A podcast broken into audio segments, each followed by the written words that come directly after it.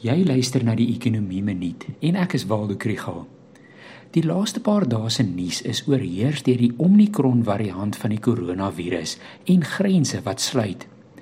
Gisteraand het president Ramaphosa die land op vlak 1 inperking gehou en hom sterk uitgespreek teen die reisverbod wat baie lande ingestel het.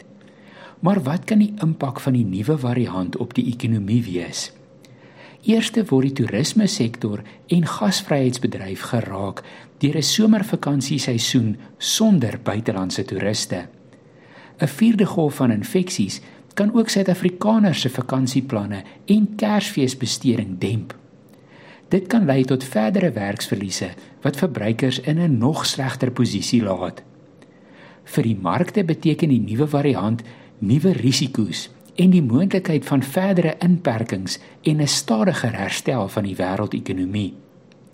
Dit is slegte nuus vir ontleikende markte se geldeenhede en aandelebeurse. Maar stadiger groei haal so 'n bietjie druk af van die olieprys en kan dalk stygende inflasie demp. Later hierdie week word daar belangrike ekonomiese data bekend gemaak. Daar is Absa se aankope bestuurdersindeks nuwe motorverkope en die derde kwartaal se arbeidsmagopname. Bly ingeskakel.